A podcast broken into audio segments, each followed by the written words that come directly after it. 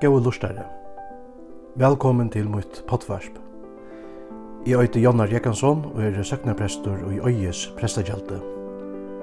Om seg sjálvan sier Jesus, Jeg er vevren og sannløyken og løyve. Ønske kjem til feiren og ta meg mer.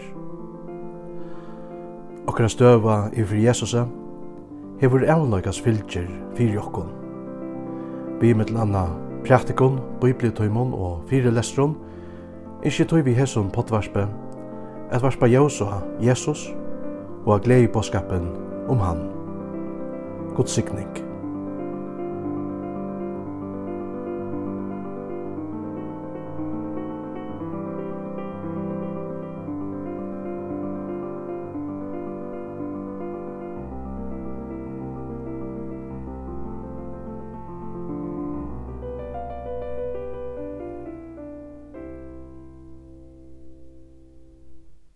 Han er risen opp, sier ønskelen vi lærersvennerne, vi kvinnerne. Og hvis nær båskaperen gjør øsene og i det. Jesus er risen opp. Og tog vil det først og fremst ikke at det kunne utlån en er gledelige pørster. Men jeg leser Godfrøye i København, var Mikkel åradrottor om opprørsner trunna.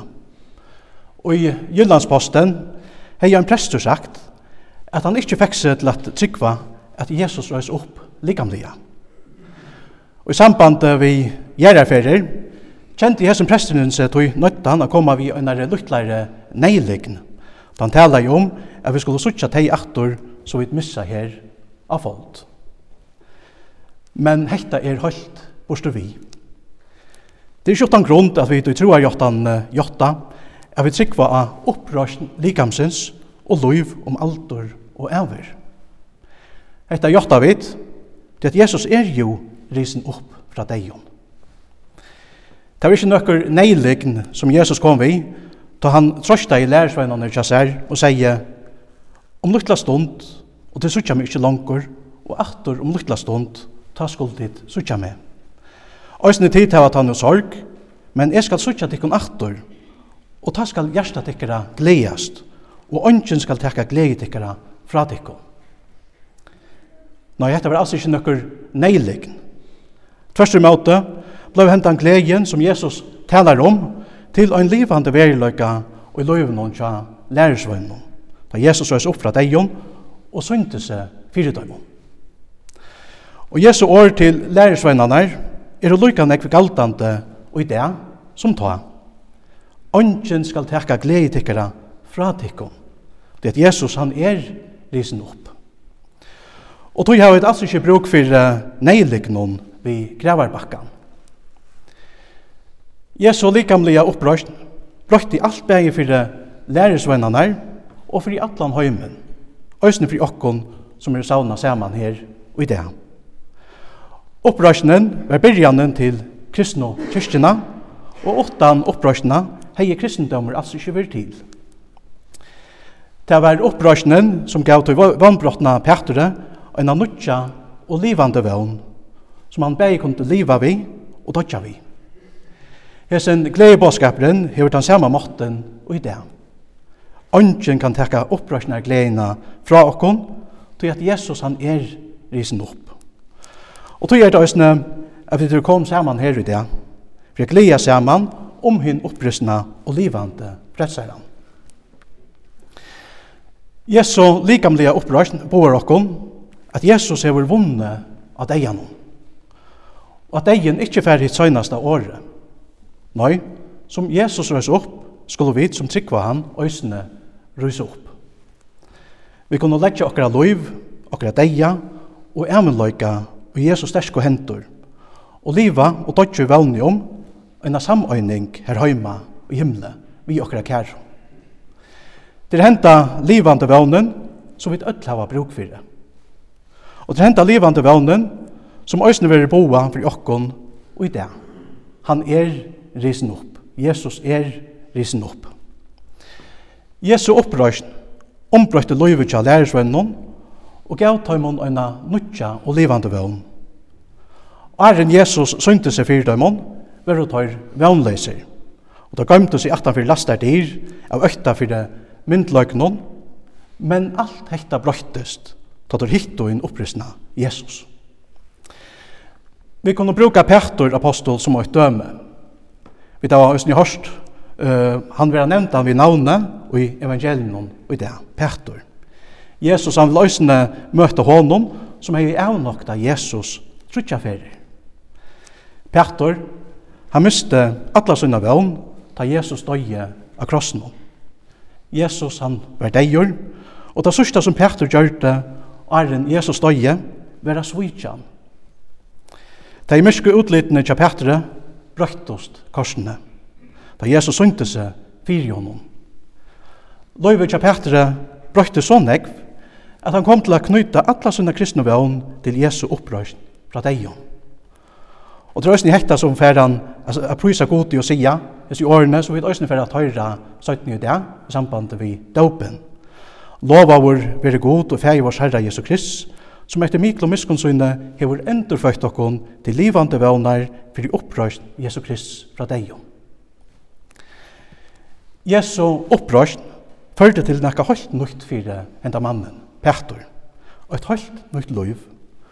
Og han knytti etta nutja og velnrika loive til eina avvisa hending, nemlig Jesu opprøst fra deg. Det hever avgjerande tøytning for kristne synna at Jesus han verja er isen opp. Tøy kvett er okkara vevn om man ikke er bonden at verløykan kan man spyrja. Etter som Paulus æsne sier einastane, men er opprøsten av deg ikkje til, tøy Kristus ikkje heldur risen opp, men er Kristus ikkje risen opp, Ta er prætika okkara fafongt, ta er òsne tryggftikkara fafongt. Så alt avhongur av opprørsnene. Ein personer som tror av en Jesus som ikkje er risen opp, tror av en deian og en måttleisan Jesus.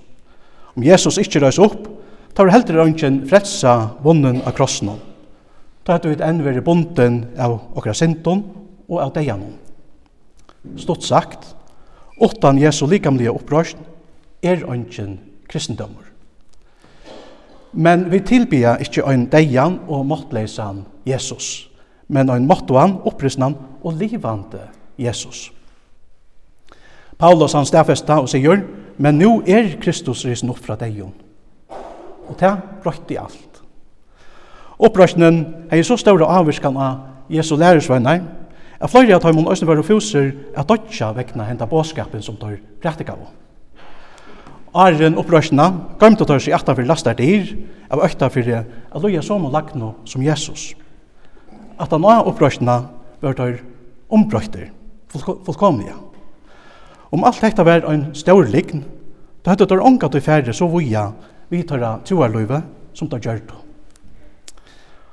Og i annar bauk løser amerikaneren Gregory Kokol hetta og sier såleis, eller spyr, Hvat megna jeg at ombrøyta ein bølg av skjelvande og øttafotlån mannen, så fører fra Jesus spjatter og fjalter for myndløgnon, at han fyrir lastar dyr og vi sløkton jøsson. Hva kan greia fra tøyra ombrøyting til djervar talsmenn for opprørsene, som setto seg oppe møte myndløgnon og i høyto vi at hovflekta, fangsla og avratta tøyr vekna tøyra vittnesbor om ein opprøsnan krist. Hva megna i at ombrøyta Saul ur Tarsus, ein mann som gikk så høgt opp i sinna trygg, at han enda sauna i menn og kvinner saman for at høgta, boka og drepa teg, til at teg fyllt av Jesus. Hva megna i at få en slukan mann av vente om og i øynun handabrakte og tekka støv og saman i tøymon som han kua i, og som at enda la sitt egna loiv vekna hinn sama gledeboskapen som han avur vannvirte. Hver er din besta fragrøyingen? spyr hessen mauren. Og han sier, best ått svær er nøktande. Det svære til honom, som avvurd hei avnokta krist, vi øynon øye. Sjolvor sier Petor, hentan Jesus røste god opp, om hekta er vid atler vittne. Ta var og egna vittner til hesa hendingsna, at Jesus røys opp. Okkara kristna vevn er altså ikkje bygd av eina blinda tryggv Her mot kunne vi vi gauar grunn til trykva at eit veriligt opprørsnar under er hent i hesson heimnum. Det at dette verilige er hent, dette undre, gjør løyv noen et helt nytt og vevnrukt innihalt. Deien er altså ikke enden. Eller som Paulus sier og hennastane, men nå er Kristus risen opp fra deien som fromgråren av tøymon som sauna er og bostur. Det vil sija at vi skulle rysa opp fra deien lykka som Jesus røys opp fra deion. Og i bøkene Den tomme grav legger norske godfrøyngren Aksel Wallen Sennstad, denta at Jesu likamlige opprørst taler umøte deianon som øyne til ønskjeskjering av okkara likame og som øyne endalion skyldneie vi okkara kæro. Tverster møte hever Jesu likamlige opprørst visser at deien tjatar mon kristno Øynans er ein firebils skilnaver. Lykka som den oppresne Jesus, sa lærersveinene er aktor, og tøyr så han, så skulle öll som tryggva av Jesus, øysene suttjast aktor en dagen. God har vi lov for det, at vi ikke har bruk for det neilig noen vi gravarbakkan. Jesus, han er jo risen opp fra deion, og tog kan ønsken tekka opprørsna gleina fra okkon, Og tog kom ut øsne av hjersta sinja til dømes, viner gods av ungkons sinne, møtta skuld og sørst fer, renna sorgar tar av kynne, hekta år til ukka ber. Suttjas vit og møyr og færa, foldum fra og underflæ, og ut ur ståra halka skæra, møttast vit til herrans det. Om vit enn vi sorger sia, kærum vi noen vårs farvel, gauan det vid atur bia, himni og ta jaua skal. Hetta er vånen som vi døya i okkara opprystna og livande frelsera. Vi døya vånena om at møtast aftur ein dagin. Kjente praktikumæren Billy Graham, han levde i Østene vi hese vån. Og han døg i Østene vi hese vån som 95 år gammal. Om sin egna deia sier han nekka såleis. Og en dagin at dit a lesa at Billy Graham er deir. Hetta skulle dit alls ikkje tryggva. Ta stund fer at vera meira livande enn i er nu. Ta har vi bara finnja nutjan bostad og er gingen inn til nærvero gods. Ta samme kan òsne sigast om Og Ein dagen for at ei at lesa eller høyra og i utvarsmnon at vit òsne er jo deg. Men som sagt er dagen alls ikkje enden. til at Jesus han hever sikra av deian. Han er risen opp. Og vi trunni han kunne vi nu kvila i vevni om at òsne vi skulle liva om vi så dødja. Det er jo det som Jesus boa i. Jeg er det opprøsnen og løyve, sier han. Han som tror meg skal leva om han så dør. Tog kunne vi døysen takke under vi Billy Graham og sia at vi etter deian for at vi er mer levende enn vi er nu. Da har vi bare finnet en nødjan bostad og er gingen inn til nærvero Guds. Hvem tøytning hever alt dette så fyrir te og med her i dag. Jo, jeg tror at Jesus velja er risen opp, som er ikke retta. For det første, Jesus, han, han hever sikra og han gjennom. noen. Tøy kan vi trygt letja bægi okra loiv og avløyga i hans herra stersko hendur. Og tøy kan vi ut østene fegnast om at egen ikkje er et endalit farvel Nei, vi møttast atter en dagen heima og himle. Om vi enn vi sorger sia, kæron vi noen vårt farvel, gauan det vi atter bia, himni og ta jaua skal. Esa røyko og livande vevna øya vit og tøy, som ønskjelen sier vi kvinner, påska morgon. Han er risen opp.